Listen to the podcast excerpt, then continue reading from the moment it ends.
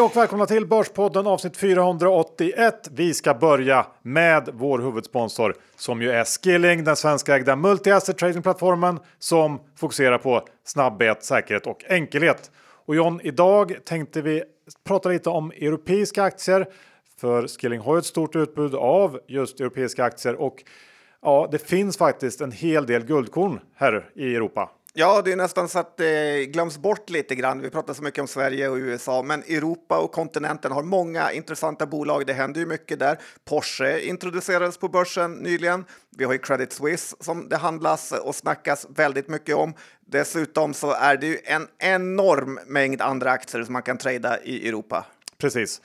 Så att se till att kolla in Skillings utbud av eh, europeiska aktier CFDer, de har nu över 750 aktier CFDR globalt sett och eh, som sagt Porsche är ju ett av de nya inslagen. Skilling är alltid snabba på att addera nya aktier CFDR när det dyker upp. Eh, men kom ihåg att 80% av retailkunder förlorar pengar när de handlar CFDR. Så besök skilling.com för fullständig ansvarsfri skrivning. Och om ni ännu inte har öppnat ett konto så se till att göra det. Det krävs bara ett bank-id och Skilling har ju ett fantastiskt erbjudande med tajta, tajta spreadar, eh, noll courtage. De har fractional share trading, mycket, mycket mer. Eh, till exempel en, vadå John? Svensk kundtjänst som jag gillar. Ja, den är i toppklass. Så med det säger vi stort tack till Skilling. John, vi har varit på höstlov. Nu är vi tillbaks i den legendariska källaren med massor av insikter från Sydeuropa. Ja, och även Nordeuropa, för det här eh, vår börs finns och det händer så mycket så att det skulle kunna nästan vara två delar det här avsnittet. Faktiskt. Eh, därför ska vi inte säga så mycket mer utan rulla vidare. Vi är den vecka sponsrade av flygbolaget Bra som har Sveriges nöjdaste resenärer och John, du och jag är två av dem.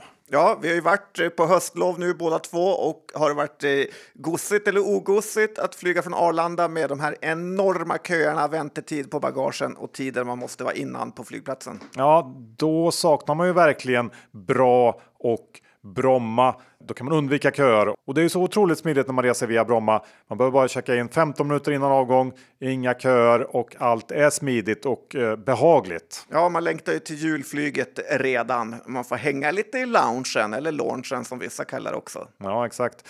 Och då John, tycker jag att eh, när du flyger upp till Umeå jul, då ska du välja Bras bioflygbiljett. Det är som en vanlig flygbiljett, men med 50% inblandning av biobränsle och det minskar ditt klimatavtryck med minst 40% och det är ju väldigt, väldigt bra. Ja, det kommer jag göra. Men det är ju inte bara Umeå som bra flyger till via Bromma utan man har 14 destinationer i Sverige och även Helsingfors i Finland, Århus i Danmark som man kan boka flygbiljetter till. Så att när ni nu tittar på kanske julflyget surfa då in på flygbra.se och se vad Bra kan erbjuda. Vi säger stort tack till Bra! Johan, Dr. Bass Isaksson, index står i 2035 och nu är det verkligen håsigt eh, på börsarna. Långrockarnas eh, vecka har det varit. Inte så kul att vara Dr. Bass. Nej, nu är det inte kul. Nu är varumärket inte lika mycket värt. Jag är inte så tuff längre. Nej, Nej. var du någonsin tuff? Du hade några veckor varje år. Du är väldigt, väldigt tuff. Har du slutat att uh, störa dig på mig nu? Äh, lite mindre faktiskt. Ja. Du är inte den här kolla på jättedyra hus i Mallorca-auran längre. Nej, okay, bra. Nej, men som du säger, börsen har ju ångat på ordentligt här på slutet. Eh, om man ska vara ärlig så har jag lite svårt att förstå varför. För jag tycker ändå att eh, ekonomin är ju än så länge väldigt långt ifrån ett läge som kommer få centralbankerna att eh, ta foten ifrån bromsen. Och även om rapporterna här som vi har sett eh, för det tredje kvartalet varit helt okej okay, så måste man ju ändå säga att det uppenbarar sig fler och fler signaler om att sämre tider kommer. Men eh, vi har ju dollarn som tappat lite styrka på slutet. Jag tror nog att det har bidragit en hel del till ökad riskaptit, men eh, där är också lite tveksam hur länge den här dollarförsvagningen håller i sig och jag är fortsatt eh, inne på att det här är ett björn, björnmarknadsrally och det här med att man inte ska eh, fight the Fed. Det känns som en bra tumregel så att eh, nej, jag köper inte riktigt det här nu det som pågår. Eh, det händer ju också lite grejer här i veckan som skulle kunna få eh, saker och ting att förändra sig. Vi har ju dels inflationssiffror men också den här, de här midterms eh, elections i USA som Ja. du eh, gillar att prata om John. Ja, men det är lite kul för att de här människorna har ju makt eh, på riktigt. Inte som i Sverige då alla mest eh, sura för att det inte ska vara gratis att gå på museum längre eller att den här plastpåseskatten inte togs eh, bort. Eh, börsen brukar älska när politikerna kan göra så lite som möjligt eh, och så ser det väl ut just nu med de här preliminära siffrorna vi har fått. Demokraterna har ju presidenten och representanthuset verkar bli repro- republikanskt. Så då blir det lite sådär mellanmjölkstyre, vilket eh, sjukt nog brukar vara det bästa. En grej jag tänkte på med dollarn där, jag undrar om inte det är något tvärtom eh, förhållande där, att det är snarare så att när pengaströmmarna går in till eh, börserna i Europa, emerging markets och så liknande, så sjunker dollarn och kronan ökar. Att man ska se på det så istället för som du gör det. Jag, inte, jag tror inte vi ska fundera så mycket på det överhuvudtaget, du och jag här. Oj, eh, power move av Johan. Lite så. När du funderar på det, då var det Då- vettigt. Det jag tänkte, då var det helt fel. Ja, lite så. Men någonting som eh, vi faktiskt vet stämmer är ju att vi bägge två varit ute och rest eh, under veckan. Till att börja med måste jag säga att det är ju fortsatt ett enormt tryck på flyg och resor. Och man får säga att det här är någon slags tror jag, kombination av ett uppdämt resesug efter pandemin och att många eh, bokar ändå sina resor ganska långt i förväg. Men jag tror också att det är väldigt sannolikt att den här pendeln kommer att svänga kraftigt igen. Säg framåt sommaren när folk efter en dyr vinter väljer hemester kanske eh, och spenderar sina sek på hemmaplan istället för utlandssemester och då eh, får använda en dyr dollar eller euro eller vad det nu är. Så att jag, eh, ja, jag, jag tror att det kommer en lagg här, men än så länge så verkar ju folk eh, väldigt, väldigt eh, resesugna. Ja, så har det väl alltid varit med svenskar. Vart man än i världen vänder så har man sett eh, svenskar faktiskt. Så att det här med att ett uppdämt eh, resebehov eh, känns lite hajpat. Det är snarare så att svenskar alltid har rest. Men om vi slutar resa och använder de pengarna på hemmaplan så är det snarare eh, något bra. Eh, däremot känns det ju inte så när man står och väntar på sitt bagage på Arlanda i 50 minuter. Så att eh, nej, resesuget finns kvar. Det gör det och jag har ju eh, varit nere i Spanien. Eh, där är, känns det också som att det är högtryck kring det mesta. Men Kan du inte namedroppa alla du har sett där som jag fått höra hela den här eh, veckan och vi är bara på onsdag? Det är Henrik Bunge och det är Johan Forsell och det är så många kändisar så att det är löjligt. No. Om Marbella eh, bombades det så hade det. ingen blivit sur. Det var inte det jag skulle, det var inte det jag skulle prata om utan eh, jag har ju faktiskt märkt att på slutet så har det faktiskt, kanske inte helt oväntat då, börjat hända någonting på den här tidigare väldigt heta bostadsmarknaden där nere. De senaste åren så har nya eh, svenska mäklarfirmor poppat upp som svampar ur marken. Eh, priserna har gått eh, upp ganska mycket. Nybyggnationen har också tagit fart. Men nu så börjar det dyka upp fler och fler annonser med sänkta priser och det har jag inte sett eh, på väldigt länge. Och jag trodde nog eh, att det här skulle ha hänt ganska mycket tidigare, men det är möjligt att prisutvecklingen har, är liksom lite mer stabil nu eh, och att det beror delvis på ett förändrat beteende. För jag tror för 10-15 år sedan så var det nästan bara golfande pensionärer som köpte, men nu har det faktiskt tillkommit en del yngre kundgrupper. Man har breddat det här eh, och sen så tror jag att distansjobbandet också bidragit, bidragit positivt till marknaden där nere. Men det går ju ändå inte att komma ifrån att inköp av ett andra eller tredje boende i eh, Spanien borde väl vara bland det första som man avstår ifrån i lite sämre tider. Och eh, att det först nu börjar märkas av en avmattning signalerar väl att vi är eh, men ganska tidigt i nedgången tror jag. Ja, ni kanske börjar rensa ut det här trekvarts shorts-gänget nu. Men eh, är det så att Victor Henriksson köpte på toppen då med andra ord? Det eh, vågar jag inte uttala mig om. Nej. Nej, men det känns ju ändå eh, som att när svenska mäklar eh, startar kontor utomlands, eh, då vet man att eh, det har varit en bra period i alla fall. De Ja. brukar inte vara först på pucken utomlands. Nej, det är väl något, något slags tecken på det. ja. Lite så här Thailand-syndrom faktiskt. Ja, det tycker du. Pattaya är det nya Marbella. Nu blev du sur igen. Nej, jag, blev, jag bara lyssna på det tänkte jag säga. Ja, För du har också varit ute och rest. Det har jag varit och det här är ju en resa som du har hånat jättemycket Johan. Jag vet inte varför du blivit sån här på sista tiden. Att det är alla kändisar du får hänga med på eh, i Marbella. Så att, eh, Ja, men du vägrar berätta vart du skulle åka. ja, nu, ja, du kan knappt berätta i podden här. Men jag var ju i Grekland. ja, charter. Och, Det är så fruktansvärt ont. Nej, men jag orkar inte gå in på det här riktigt, men det är ju... na- nattflyg eller vad?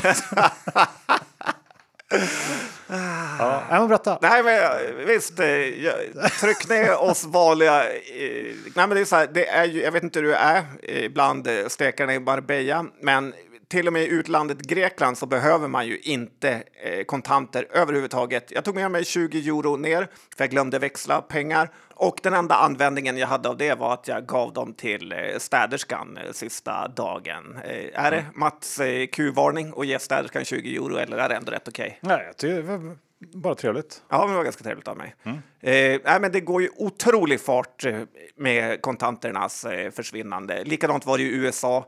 Eh, skulle bli lite rädd på att äga eh, Loomis eh, faktiskt. Och eh, Ja, som ju dessutom gått fruktansvärt bra på börsen. ja, konstigt eh, nog. Lite har jag tänkt att man kanske skulle eh, köpa Mekonomen på samma case. Att fler och fler bilverkstäder läggs ner, men ändå så finns det kvar en stor aktör som kan samla upp rötan. Jag vet inte. Nej, det är mycket möjligt. Eh, sen har jag väl inga jättespaningar direkt eh, längre, eh, förutom hur mycket man använder mobilen. eh, med att man har kort, man har allting där. Så att det, är- det inte... Du har tappat lite. Ja, har jag gjort det? Eh, och sen att Citroën kanske inte är det premiummärket man, när man hyr bil. Där, Rally, där kom spaningen. där fick ni den. Så lite negativt för Citroën då. Ja, lite så. Och sen, och sen är det ju faktiskt så att det, jag vet inte hur det är heller, eller det vet jag ju för jag har varit där, men man får ju inte känslan av att EU är på väg att krossa Silicon Valley när man är i södra Europa. Det är ju ganska långt eh, kvar eh, dit, även om det är otroligt väder de har. Ja, precis. Nej, men det eh, håller jag med om. Eh, vi, vi lämnar våra semestrar. Det verkar inte som att det kommer så mycket spännande eh, fakta från dem och går över till att eh, du vill eh, börja med konst, John, vilket var lite oväntat för mig. Ja, nu när det ska höra. bli så dyrt att eh, gå på museum igen. Nej, men det har ju varit mycket i media här om hur kriminella eh, swishade en polis för att eh, försöka smutskasta honom, vilket var lite kul ändå kan man tycka. Och eh, jag tänkte så att ah, ah, om man någon gång var med om ett bud så skulle det vara roligt att göra en sån här Anna Odell konstverk av det hela. Att man skulle swisha bolagets styrelseordförande och vd, men också de som jobbade på korpfirman som skötte det här budet. Och sen skulle man skicka ett tack-sms och kanske skryta lite på Twitter att man hade tjänat multum i ett bud. Och sen erkänna allt i förhör med EBM och förklara hur man blev kontaktad av vdn som ville tjäna en extra slant. Och sen när, när det väl blev rättegång så spelar man bara upp en film som avslöjade att allt var eh, fake. Jag tror det hade kunnat vara en succé. Jag tror att det är en stor risk att man att du skulle åka dit på riktigt. Ändå, Ja, det hade ju varit en liten eh, besvikelse då om ingen fattade det hela och eh, man fick fyra års fängelse med hela företagsledningen och korpfirman. Eh, lite så här halvmisslyckat practical joke. Ja. Du, ikväll John, ska ju du och jag på fin gala. Det ska vi. Det är årets ledaregalan här och ska bli väldigt kul. Det är väl lite startskottet för alla julmingel och eh, julfestbokningarna som eh, börjar öppna upp sig. Och det känns ganska roligt för finansadeln som du och jag. Jag vet inte. Eh, så jag tycker... Så jag tycker man kan fortsätta bjuda in oss, vi är törstiga. Eh, nej, men så här, Avanzas topptradermiddag ska ju vara på Astoria, så jag gissar väl att vi traders dragit vårt strå till stacken även i år. Eh, klar, eh, kul att eh, både du och jag klarade katten ännu ett år. Är det väl tolfte året i rad vi är där nu och tillhör den här yttersta eliten. Så att de som säger att vi bara är poddare kan väl skicka ett litet förlåt till oss. Men när det gäller Avanzas traderljudfester så är det väl ändå svårt att glömma toppåret 2015. Vet du vad jag tänker på? 2015. När vi var eh, på Café Opera. Ja, det var väl då Avanzamannen gjorde entré. Ja, han var som Dunder och abso- brak. absolut störst, eh, både som trader och på Twitter. Och han gled in lite sent eh, i den här fina matsalen med en kamouflage-t-shirt, tuppkam och en tjej i släptåg. Och så drack han GT genom hela julbordet. Eh, Det var tider det. Det var det faktiskt. Ja. Får se eh, vad som händer i år. Ja, hoppas det blir kul på Astoria. Ja. Du, det har ju varit ett eh, ovanligt volatilt dygn får man säga i kryptovärlden. Eh, det kanske du har sett? Det har jag sett. Ja. Tack för tipsen jag har fått av dig. Ja, eh, och det är ju då efter att världens största kryptobörs Binance tagit över största kon konkurrenten FTX under väldigt dramatiska former. Det finns ju massor att läsa om alla turer kring det här, men i korta drag så lyckades ju Binance ta över FTX genom att som storägare av FTX egna token, FTT, öppet gå ut med att man planerar att dumpa hela sitt innehav. Det här skapar ett rejält prisfall och massor av uttag från eh, FTX, eh, vilket då man kan säga eh, blev ett bankrun och det fick hela FTX att ganska snabbt kollapsa och allting förvärras också av den här täta kopplingen mellan FTX och Alameda. Alameda är ju en eh, kryptohedgefond slash market maker som har då samma grundare som FTX. Det är den här Sam Bankman-Fried. Eh, och i veckan så framkom det att eh, Alamedas tillgångar till stor del består av den här eh, FTX-valutan, FTT. Eh, alltså då samma eh, valuta som kraschat brutalt och helt plötsligt såg det ut då som att även Alameda eh, är konkursmässigt och eh, då gick Binance in och erbjöd FTX en väg ut. Um, hela den här soppan har ju fått eh, hela kryptovärlden att eh, rasa. Eh, och det är inte omöjligt att det finns fler spelare som eh, har råkat illa ut här eh, som kommer att flytta upp till ytan närmsta veckan. Men, ehm, och på lite längre sikt så är ju den här typen av händelser sånt som leder till fler eh, rop på regleringar inom krypto och det pågår ju någon slags regleringsrace i, i ja, de flesta håll och kanter, men framförallt kanske i USA just nu. Så att det, fler regleringar kommer komma.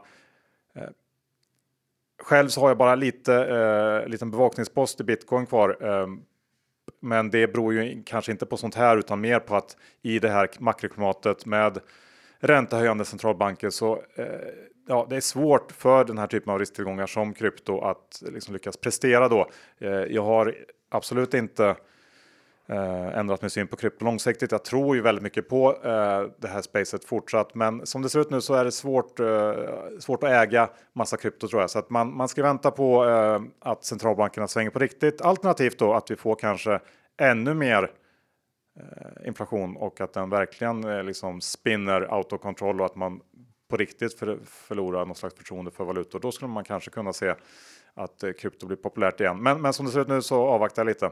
Ja, men det är väl ingen mega, mega krasch heller får man väl Nej, försvara tycker... bitcoin med. Att den har gått ner 10-15 procent var ju vardagsmat på eh, gamla goda. Ja, sen får man säga att runt 20 000 dollar för en bitcoin.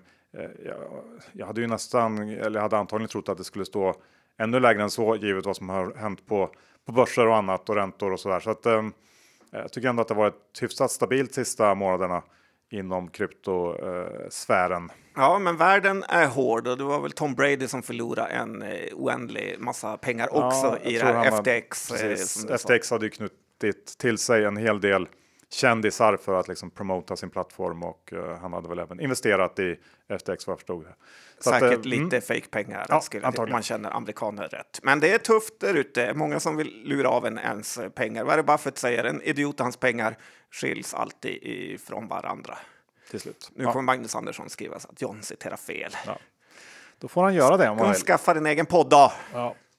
Du, um, Ingen kommer lyssna. Ska vi avsluta med uh, det här med blankningar och experter? Ja, men jag tycker man pratar blankningar så pratar experter alltid om att en hög värdering i sig självt inte är en bra anledning till att blanka något, utan man måste hitta något speciellt i ett blankare case. Och det har ju visat sig vara precis tvärtom. För det absolut bästa man kan göra eh, när man vill blanka ett bolag är att blanka övervärderade bolag. Det behövs inget mer. Det behövs inga horder av analytiker som sitter och räknar på konstiga saker och försöker vara översmarta. Titta på Sinch, Vitrolife, serieförvärvarna datorspelsbolagen eller en oändlig mängd amerikanska bolag. Det är bara några få av dem som tappat 60-70 procent på någon månad. Är man uthållig så får man nästan alltid rätt när man blankar på galna värderingar, även om man ligger fel och kanske till och med ordentligt fel under långa perioder. Eh, det som är det farliga, eller det som gör det farligt, är ju och dessutom svårt, är ju risken att man har oturen att träffa på en Tesla, Amazon eller den typen av bolag som i princip växer till himmelen. Eh, men jag tycker inte man ska vara överdrivet rädd för att ge sig på bolag med höga värderingar eh, eller för den vanliga människan då som inte håller på med blanka, blankningar att faktiskt våga sälja bolag med galna värderingar.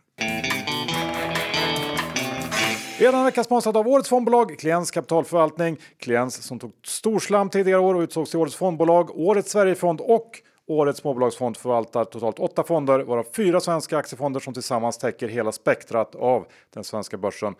Och John, småbolagsfonden fyller sex år 30 september och det är ju med glädje vi kan konstatera att Carl Sundblad lyckades överträffa index för sjätte året i rad. Ja, det är ändå rätt mäktigt att se vad en framgångsrik eh, aktivt förvaltad fond kan skapa för mervärden.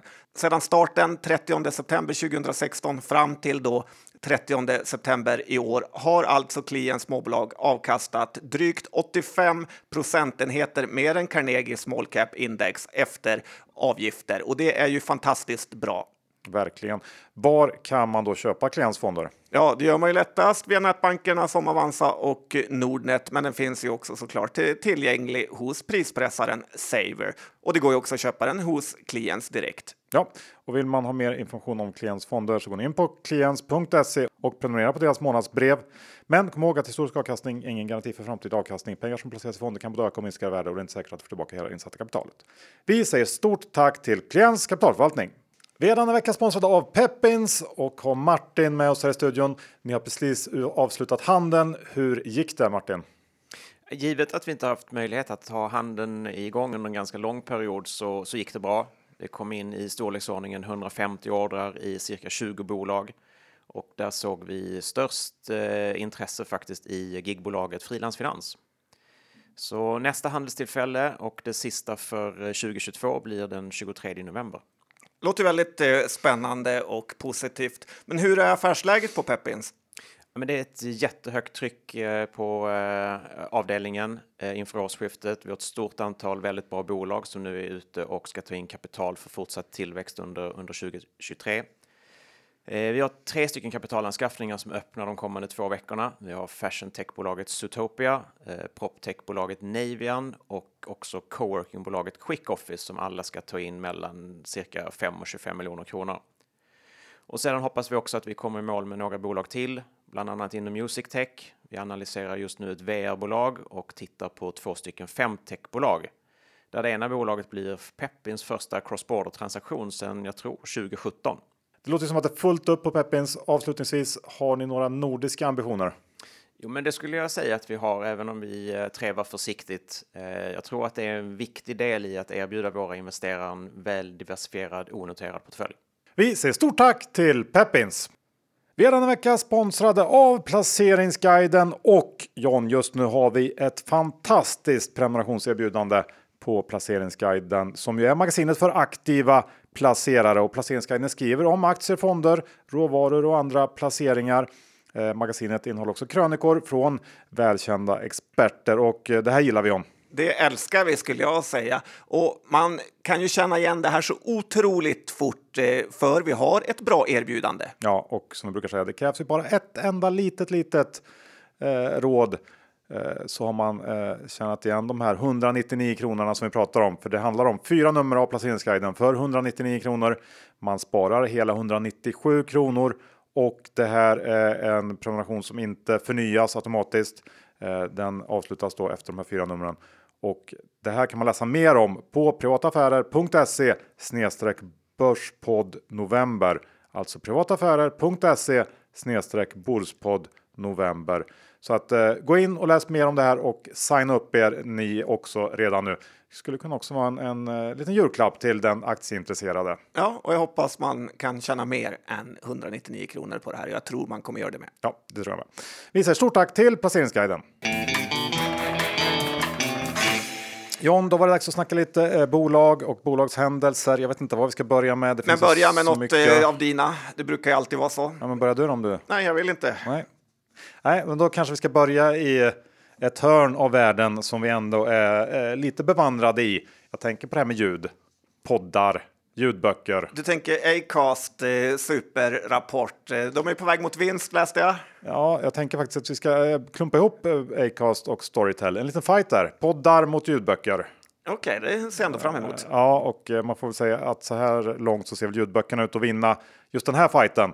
Eh, och om vi börjar i det hörnet, vinnaren Storytel, så kommer ju de med en oväntat bra Q3. Eh, det här strategiska skiftet de har gjort med fokus på lönsam tillväxt har eh, gett resultat.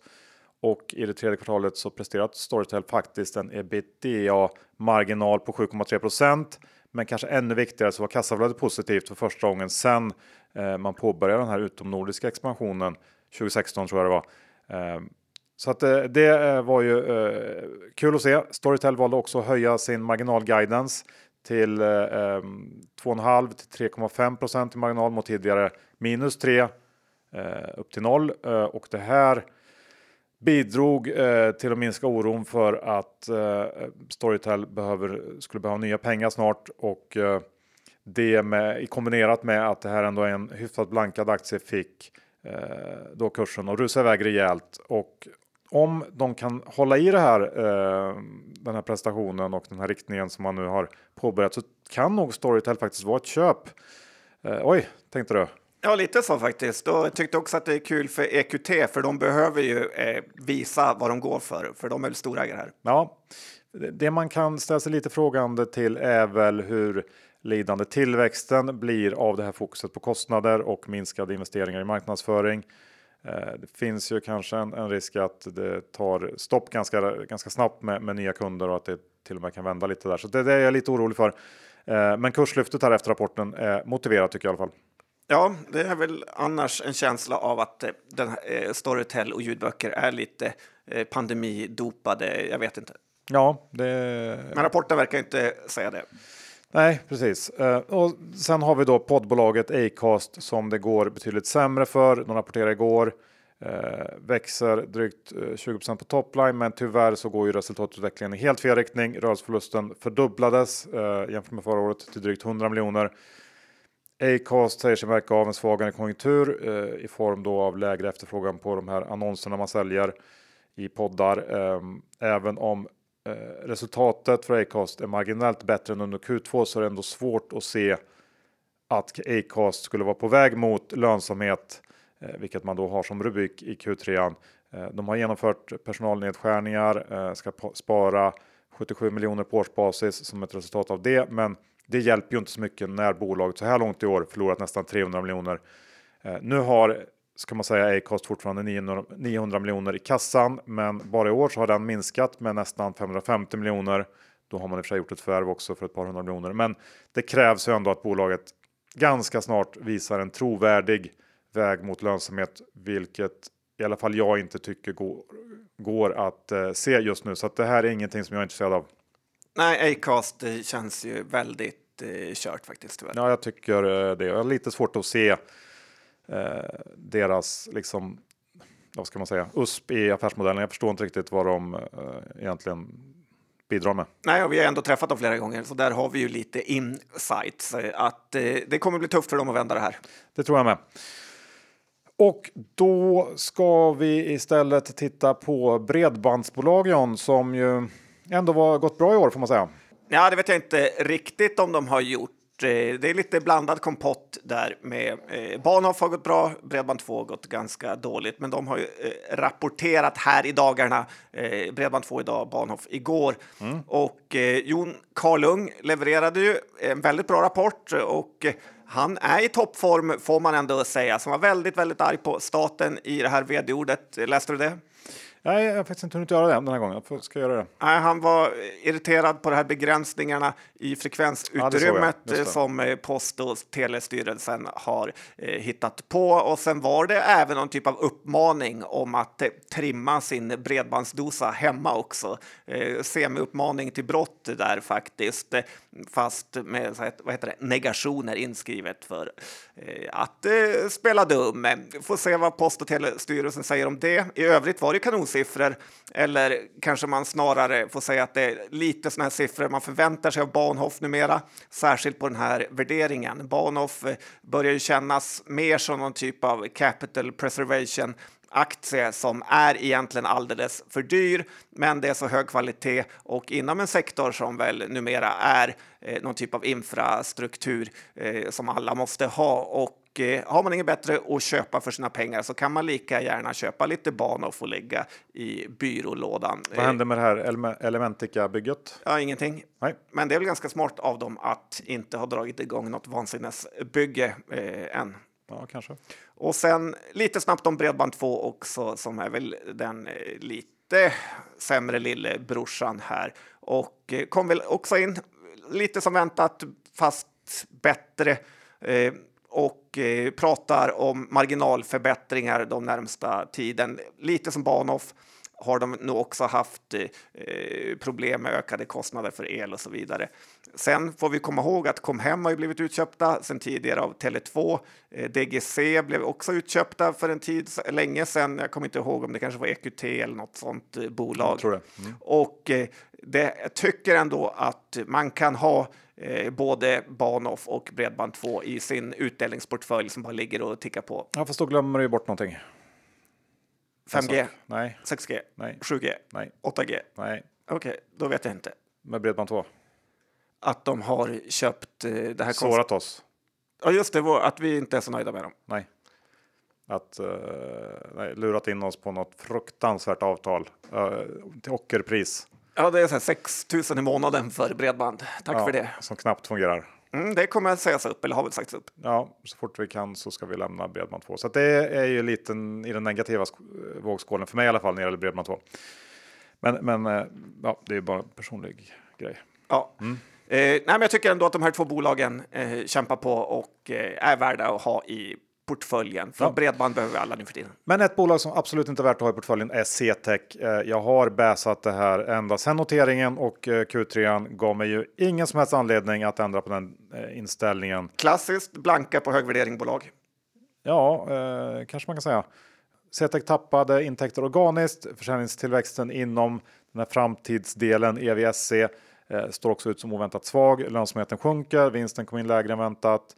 Um, och dessutom så bjöd man ju på riktigt svag guidance, säger att försäljningen i Q4 kommer hamna i linje med det tredje kvartalet och att mixen kommer göra att marginalen blir ännu sämre.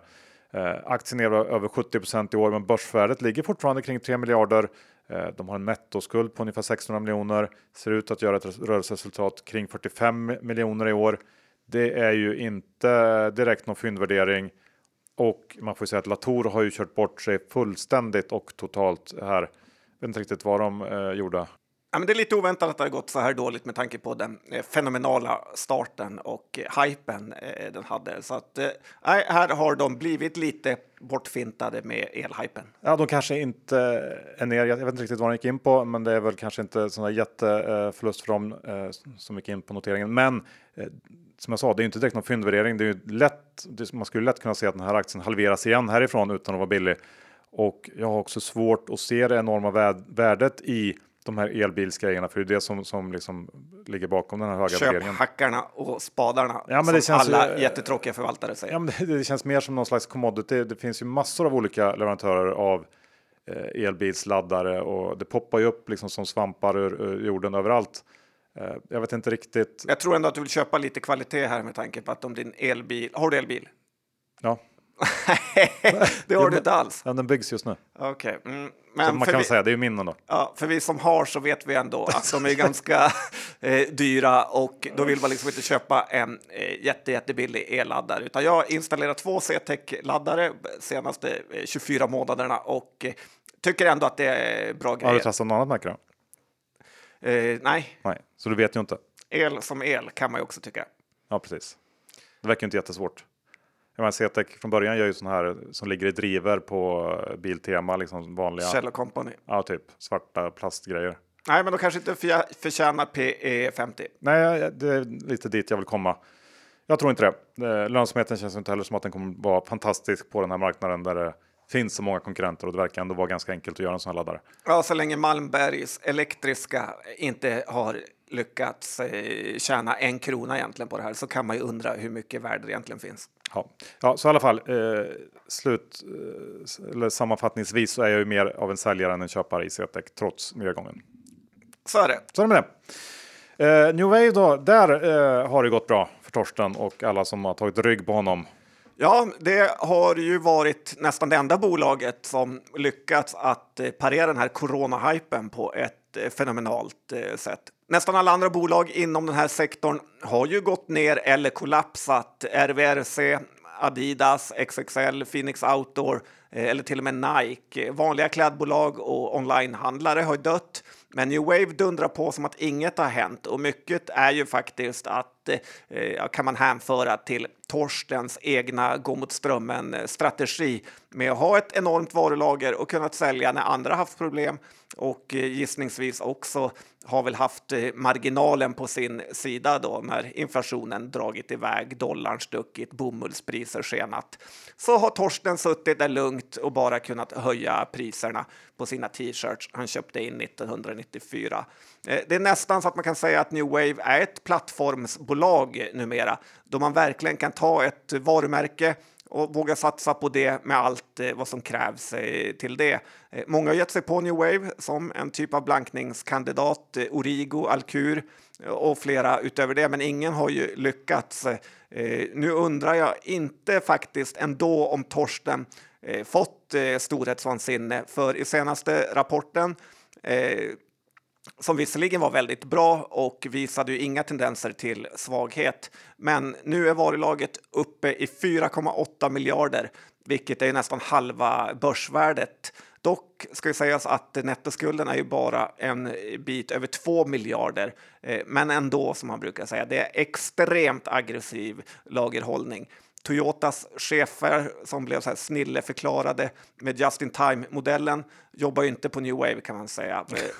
det finns ändå risk för bakslag här, eh, för i de flesta andra bolag så hade det ju varit ett enormt orostecken på, ett, eh, på att ha ett sånt här enormt eh, varulager. Men Torsten har ju visat att han kan hantera det och till och med utnyttja det. Så att börsen gillar honom. Aktien är ju bara några kronor från sitt all time high nu och det säger ju något. Lite kul, kuriosa, som DN hade skrivit, är ju att man kunde köpa New Wave på 25 kronor 19 mars eh, 2020. Eh, så att eh, köpa aktier när andra har panik är ju den snabbaste vägen till rikedom. Verkligen. Ehm, och jag håller med dig om allt du säger och Torsten känns ju extremt hyllad och älskad just nu. Det jag är lite rädd för är ju att han han känns ju som i grunden en obotlig optimist och eh, jag gissar ju att han, eh, om man har valet att liksom se någonting positivt eller negativt, så gissar jag att han ser det eh, väldigt positivt att det där eh, finns ju risk om, om det kommer ett snabbt skifte och han väljer att dundra på vidare med eh, liksom eh, expansion och bygga lager och så vidare. Verkligen, för den här aktien har ju varit volatil. Tittar man på P-talet så är det fortfarande väldigt lågt och New Wave har ju aldrig lyckats komma upp i någon typ av premiumvärdering utan det, Torsten har fått kämpa till motvind med eh, värderingen så att eh, om det skulle P-talet skulle börja expandera så finns det ju eh, verkligen uppsida. Jag såg att de flesta eh, sådana här banker har, har höjt till eh, riktkurser kring 240. Aktien stod 190 nu, mm. så, eh, men ändå, det är, det är hypat. Ja, eh, hur är det med provfoto då? Eh, en av de här Ja, det kanske noterades det under pandemin eller var det? Ja, men det gjorde det ju. Ja. Och eh, det är väl inget snackisbolag Nej. egentligen, nästan bortglömt. Kom ändå väntat med en fin rapport eftersom det är ju lite så evenemang och bröllopstider. Eh, som det varit under Q3 och även eh, framåt. Men det var något som jag tyckte var väldigt intressant eh, som mainstream media helt verkar ha missat och det var ju att vdn sa i sitt vd-ord att alla leveransproblem nu har upphört och att allt fungerar som vanligt igen. Och om det gäller provfoto så gäller det nog de flesta av bolagen. Och, och jag gissar att mycket av sådana här fotoprylar kommer från Asien så att de här orden kan vara betydligt bättre än man först eh, tror. Vad säger du om det här Johan? Ändå lite skrämmande för eh, håsen att den fortsätter. Ja, kanske. Nej, men eh, ja, jag vet inte om man ska dra för eh, stora slutsatser baserat på provfotos Q3. Men om världskonjunkturen. Nej, men jag tyckte ändå det var intressant att de sa att alla eh, leveransproblem hade upphört och att det fungerar som vanligt. Jag tycker man kan ta med sig det. Ja, absolut. Eh, sen vill jag höra lite om eh, det här Combined X eh, som väl är någon slags it-konsult som var enormt upphåsad inför noteringen. Eh, många fina, fina ägare som trodde på det här och det har inte riktigt eh, gått som eh, man har tänkt sig. Va? Verkligen inte. Q3 var ingen rolig läsning som kommer i veckan. Jörgen Kvist som är vd här, mannen eh, som vid börsnoteringen såldes in som att han var en storbolags-vd i ett eh, småbolag och ville göra en resa på nytt. Men nu är han på väg att göra Combined X från ett eh, småbolag till ett mikrobolag. Och det var inte riktigt den resan man hade löst biljett till som aktieägare. Det är hög personalomsättning eh, och eh, då blir det som det alltid är inom konsultbolagen, att det är dåligt för marginalen. Och det är egentligen lite svårt att förstå varför Combined X ska ha en högre värdering än alla andra av dröserna av konsultbolag som handlas i häraden 200 till 700 miljoner kronor i börsvärde. Men har de det då? Ja, nu har det ju kommit ner här, men det har ju varit eh, alldeles för hypat. Ed Astra, grenspecialisten som du sa, är ju storägarlistan här, men det vi sett sista tiden är ju det absolut inte någon garanti för att undvika haverier. Och jag tycker nog att det är dags för Jörgen Kvist där att eh, steppa upp lite och visa att han inte var ett one hit wonder med DGC då som han jobbade på tidigare och eh, steppa upp sitt A-game här. Ja, det blir intressant att följa. Det är ju alltid eh, oroväckande när eh, det blir massa personalomsättning i ett konsultbolag. Det är ju liksom det det handlar om, personalen. Ja, var väl lite det eh, Gabriel Mellqvist eh, sa förra veckan här, att det är väldigt ofta att eh, en eh, vd inte lyckas göra om samma bedrift i Nej. ett annat bolag, Nej, utan väldigt många är one hit wonders. Faktiskt. Ehm, du, um, sen känner jag att det är dags att avsluta eh, ett bråk vi haft i podden mellan dig och mig. Ett av många. Ja. Eh, du vet det här eh, Opticept-bråket. Ja, just det, med frysta blommor. Ja, bolaget som du älskat och jag varnat för. Mm, Är det jag tror att du skarvar lite. Så, så kommer jag ihåg det. Okej. Ja. Men för du såg ju enorm pot- potential i deras produkt OptiBoost som då skulle ge snittblommor längre livslängd. Och jag såg orealistiska drömmar och enorm härvpotential. pot- potential. Eh, och det, det är ju inte heller så att det är bara blommor som Opticept ska förlänga livet på utan man har då maskiner som ska göra samma sak inom en rad områden. Det är olivolja, eh, juice, vin eh, och så vidare. Och det här låter bra, men problemet är att ingen verkar vilja köpa deras eh, grejer. Samtidigt som pengarna bara forsar ur bolaget och eh, i Q3 så steg förlusten till nästan 22 miljoner. På helåret har man bränt eller backat närmare 60 miljoner. Det här eh, har då resulterat i att man nu tvingas genomföra en ny emission. Eh, man ska ta in 110 färska miljoner efter att aktien har rasat med 85 i år. Eh, här ser jag absolut ingen som helst anledning att kasta mer friska pengar efter eh, det här bolaget och kanske John så borde jag addera eh, fantastiska maskiner-regeln till fasregeln. För det är nästan hundraprocentigt att små förhoppningsbolag som har eh, tagit fram en fantastisk maskin eh, inte lyckas och Opticept är ju ett eh, perfekt exempel på ett sådant bolag. Ja, vi hade ju eh, det Cassandra Agel som gjorde bildäck, eh, tog bildäck och gjorde det olja och den här. Eh, finns många sådana bolag. Alexander Richards hade ju många sådana, om ni kommer ihåg honom, den gamla skojaren på Aktietorget. Hette de NSRT, något sånt. Han hade, han hade en maskin som åkte runt på botten av sjöar och samlade ihop grus som sen blev någonting. Eh, finns många sådana här. Vad heter den där minröjarmaskinen som åkte runt? Det var också ett bolag. Eh, Mm. Ja, det finns många. Vi har ju också en vattendrake som glider runt Också och ett producerar på en- otroliga mängder el. Fantastisk maskin. Nej, men jag tänkte just- har väl också nästan dit. Ja, Ja, finns, nej inte Drock. Eh, Eh, Morphic, Johan. tänkte jag. Morphic tänkte jag säga. nej, det Ja. finns skräpmaskiner är något man ska hålla sig borta för. Lite tänkte jag att eh, det här förlänga eh, livet på juicer, att det är någon typ eh, som man köpte av glassbilen när man var liten. Alltså de som infrysta juicer i eh, ovala förpackningar. Det är ju inte riktigt en uppfinning att frysa saker. Nej, det frys, funkar. frys kallas det. Okej, alltså Electrolux Finns, då? finns tror jag. Ja, det finns. Eh, bra, då har vi avhandlat det och vi lägger ner stridsyxan kring Opticept. Eh, vi går över John till Netti, Netinsight som eh, väl kom med en bra rapport. Ja, det gjorde de verkligen. Och eh, oväntat bra ändå för att vara eh, lite av ett av besvikelsernas bolag. Aktien är ju långt över nivån eh, från det avsnitt där jag jinxade Jake Moore och sa att han var börsens eh, Tom Brady. Han hade ju Net Insight som ett eh, case. Eh, så att, eh, grattis till honom. Eh, lite kul i rapporten var att Net Insight skröt väldigt mycket om... Har du läst den här rapporten då? Nej. Men du, jobbar du med börsen eller? Ja, det får man väl säga att jag gör, men jag har ju haft, jag har varit ledig och haft lov så att jag har inte hunnit med allt. Ja. Spelat golf, Ja. Men i alla fall. Nej, men det som var kul i den här rapporten var att eh, Net Insight skröt väldigt mycket om att anledningen till att resultatet var bra var att eh, det kom eh, från en stor order för fotbolls-VM i Qatar. Känns inte riktigt som att vdn har hängt med här i debattklimatet kring fotbolls-VM.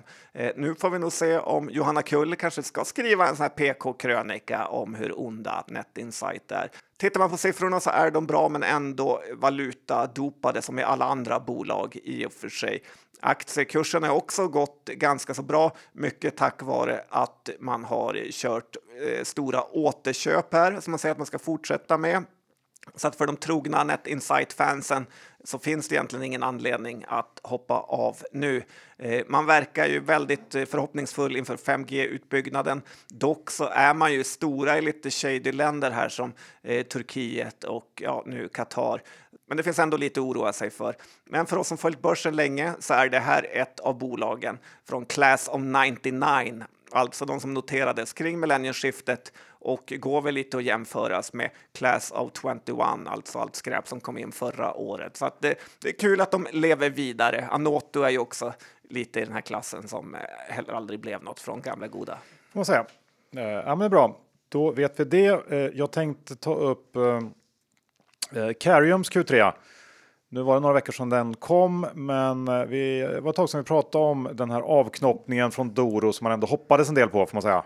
Ja, Det var väl den fina delen. ja, det blev det ju inte direkt och kostade Lill-Pappi väldigt mycket pengar. Ja, eh, och Q3 var ju ingen rolig läsning.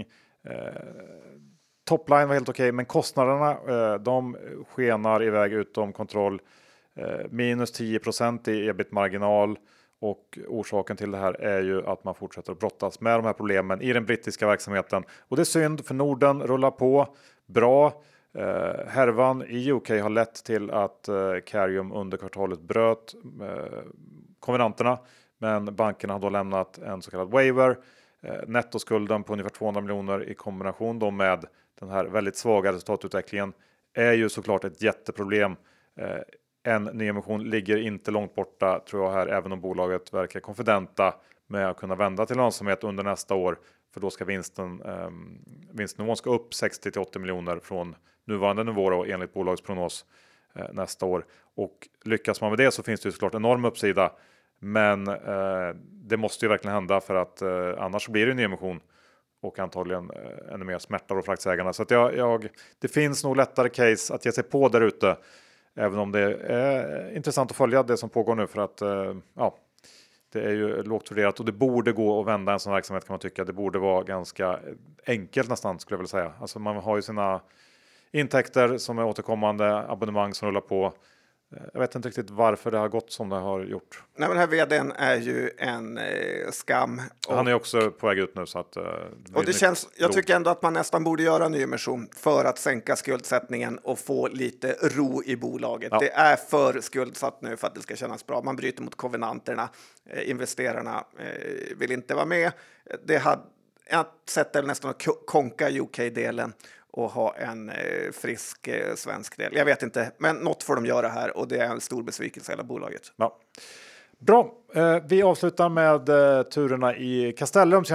Det är ju spännande ändå det som händer där. Fighten mellan två giganter. Nej, men världen är ju ett hårt ställe och det ser man ju verkligen i det här kriget om Castellum. Eh, så där det finns många nivåer att gå igenom faktiskt. Eh, dels så får man väl säga att ingen poddare, småsparare eller twittrare eller någon annan överhuvudtaget ska behöva redovisa vilka positioner man har eh, eller att man gör precis tvärtom mot mot vad man säger när Akelius gör precis som han vill. Han kan gå ut och fullständigt bäsa sönder hela fastighetssektorn med snack om sju dåliga år sen direkt köpa 10% av Castellum. Och sen nu nyligen går han ut med extrema anklagelser och hävda att eh, vdn Rutger ljuger och att företaget kommer gå i konkurs för att sen köpa ännu mer aktier. Hade en småsparare gjort det här så hade det blivit eh, finkan. Men storfinansen eh, får alltid gå fria. En annan take jag har på det här är ju att eh, för att ha vad som krävs för att bli eh, svinrik så måste man vara lite av ett as. Eh, mångt och mycket måste man vara beredd på att göra nästan vad som helst eh, för pengar. Eh, sen är jag ändå eh, slutligen eh, i den här spaningen då är jag ändå imponerad av eh, Rutger som verkligen tar det här som en man. Det är inget gnäll om blankare, det är inga utspel och tycka synd om sig själv, utan han verkar bara köra på och det känns extremt imponerande. Ja, um, ja, det var. Jag håller väl med om uh, det du säger. Samtidigt kan jag också tycka att det kan väl vara så att det behöver det Akelius säger, alltså att han är uh, negativ, behöver ju inte betyda att han inte börjar att köpa här. Alltså, men det kan ju, bägge kan ju vara rätt på något sätt. Jo, du, men du tycker inte att det är konstigt att prata om konkurs för att sen lasta in aktier? Nej, och att vdn ljuger. Brukar du köpa aktier i bolag du eh, Nej, men han säger vdn ljuger? Jag kan ju köpa att han tycker så och köpa mer för att förändra situationen. Alltså dra in, se till att det inte blir någon utdelning. Se till att få bort vdn. Ja, men det var inte det som var grejen. Grejen var att jag tycker inte småsparare ska känna sig tvingade att... Det behöver inte finnas eh, någon slags motsatsförhållande där. Nej, men då ska inte heller småsparare behöva känna sig rädda Nej. för Nej. vad de gör på börsen. Here, here. Slut på avsnitt 481. Vi säger ett stort, stort tack till Skilling som ju är vår huvudsponsor. Se till att öppna konto om ni inte redan gjort det. Eh, om inte bara för att få en pratstund med deras fantastiska kundtjänst som ju finns på svenska. Det är vi väldigt glada för. Det är vi. Men kom ihåg att 80% av retailkunder förlorar pengar när de har CFDs på bögskrivning.com för en fullständig ansvarsfriskrivning. John, hur är det med innehav den här veckan? Det var mycket eh, skitbolag vi pratade om idag och det vill man ju inte ha sin portfölj. Därför så har inte jag någonting av det vi har pratat om, förutom lite krypto. Uh, ja, det är väl det. Inga Carium, inga CTEC, inga Storytel, Acast. Nej, jag tycker ändå att du lägger upp det fint för mig här och presenterar en lång ägarlista. Nej, men jag har Bredband2 Mekonomen sa vi lite snabbt och eh, också lite bevakningspåse på krypto. Ja, bra. Då eh, var det slut för den här veckan. Vi hörs nästa onsdag igen. Hej då! Det gör vi. Hej då! Ah.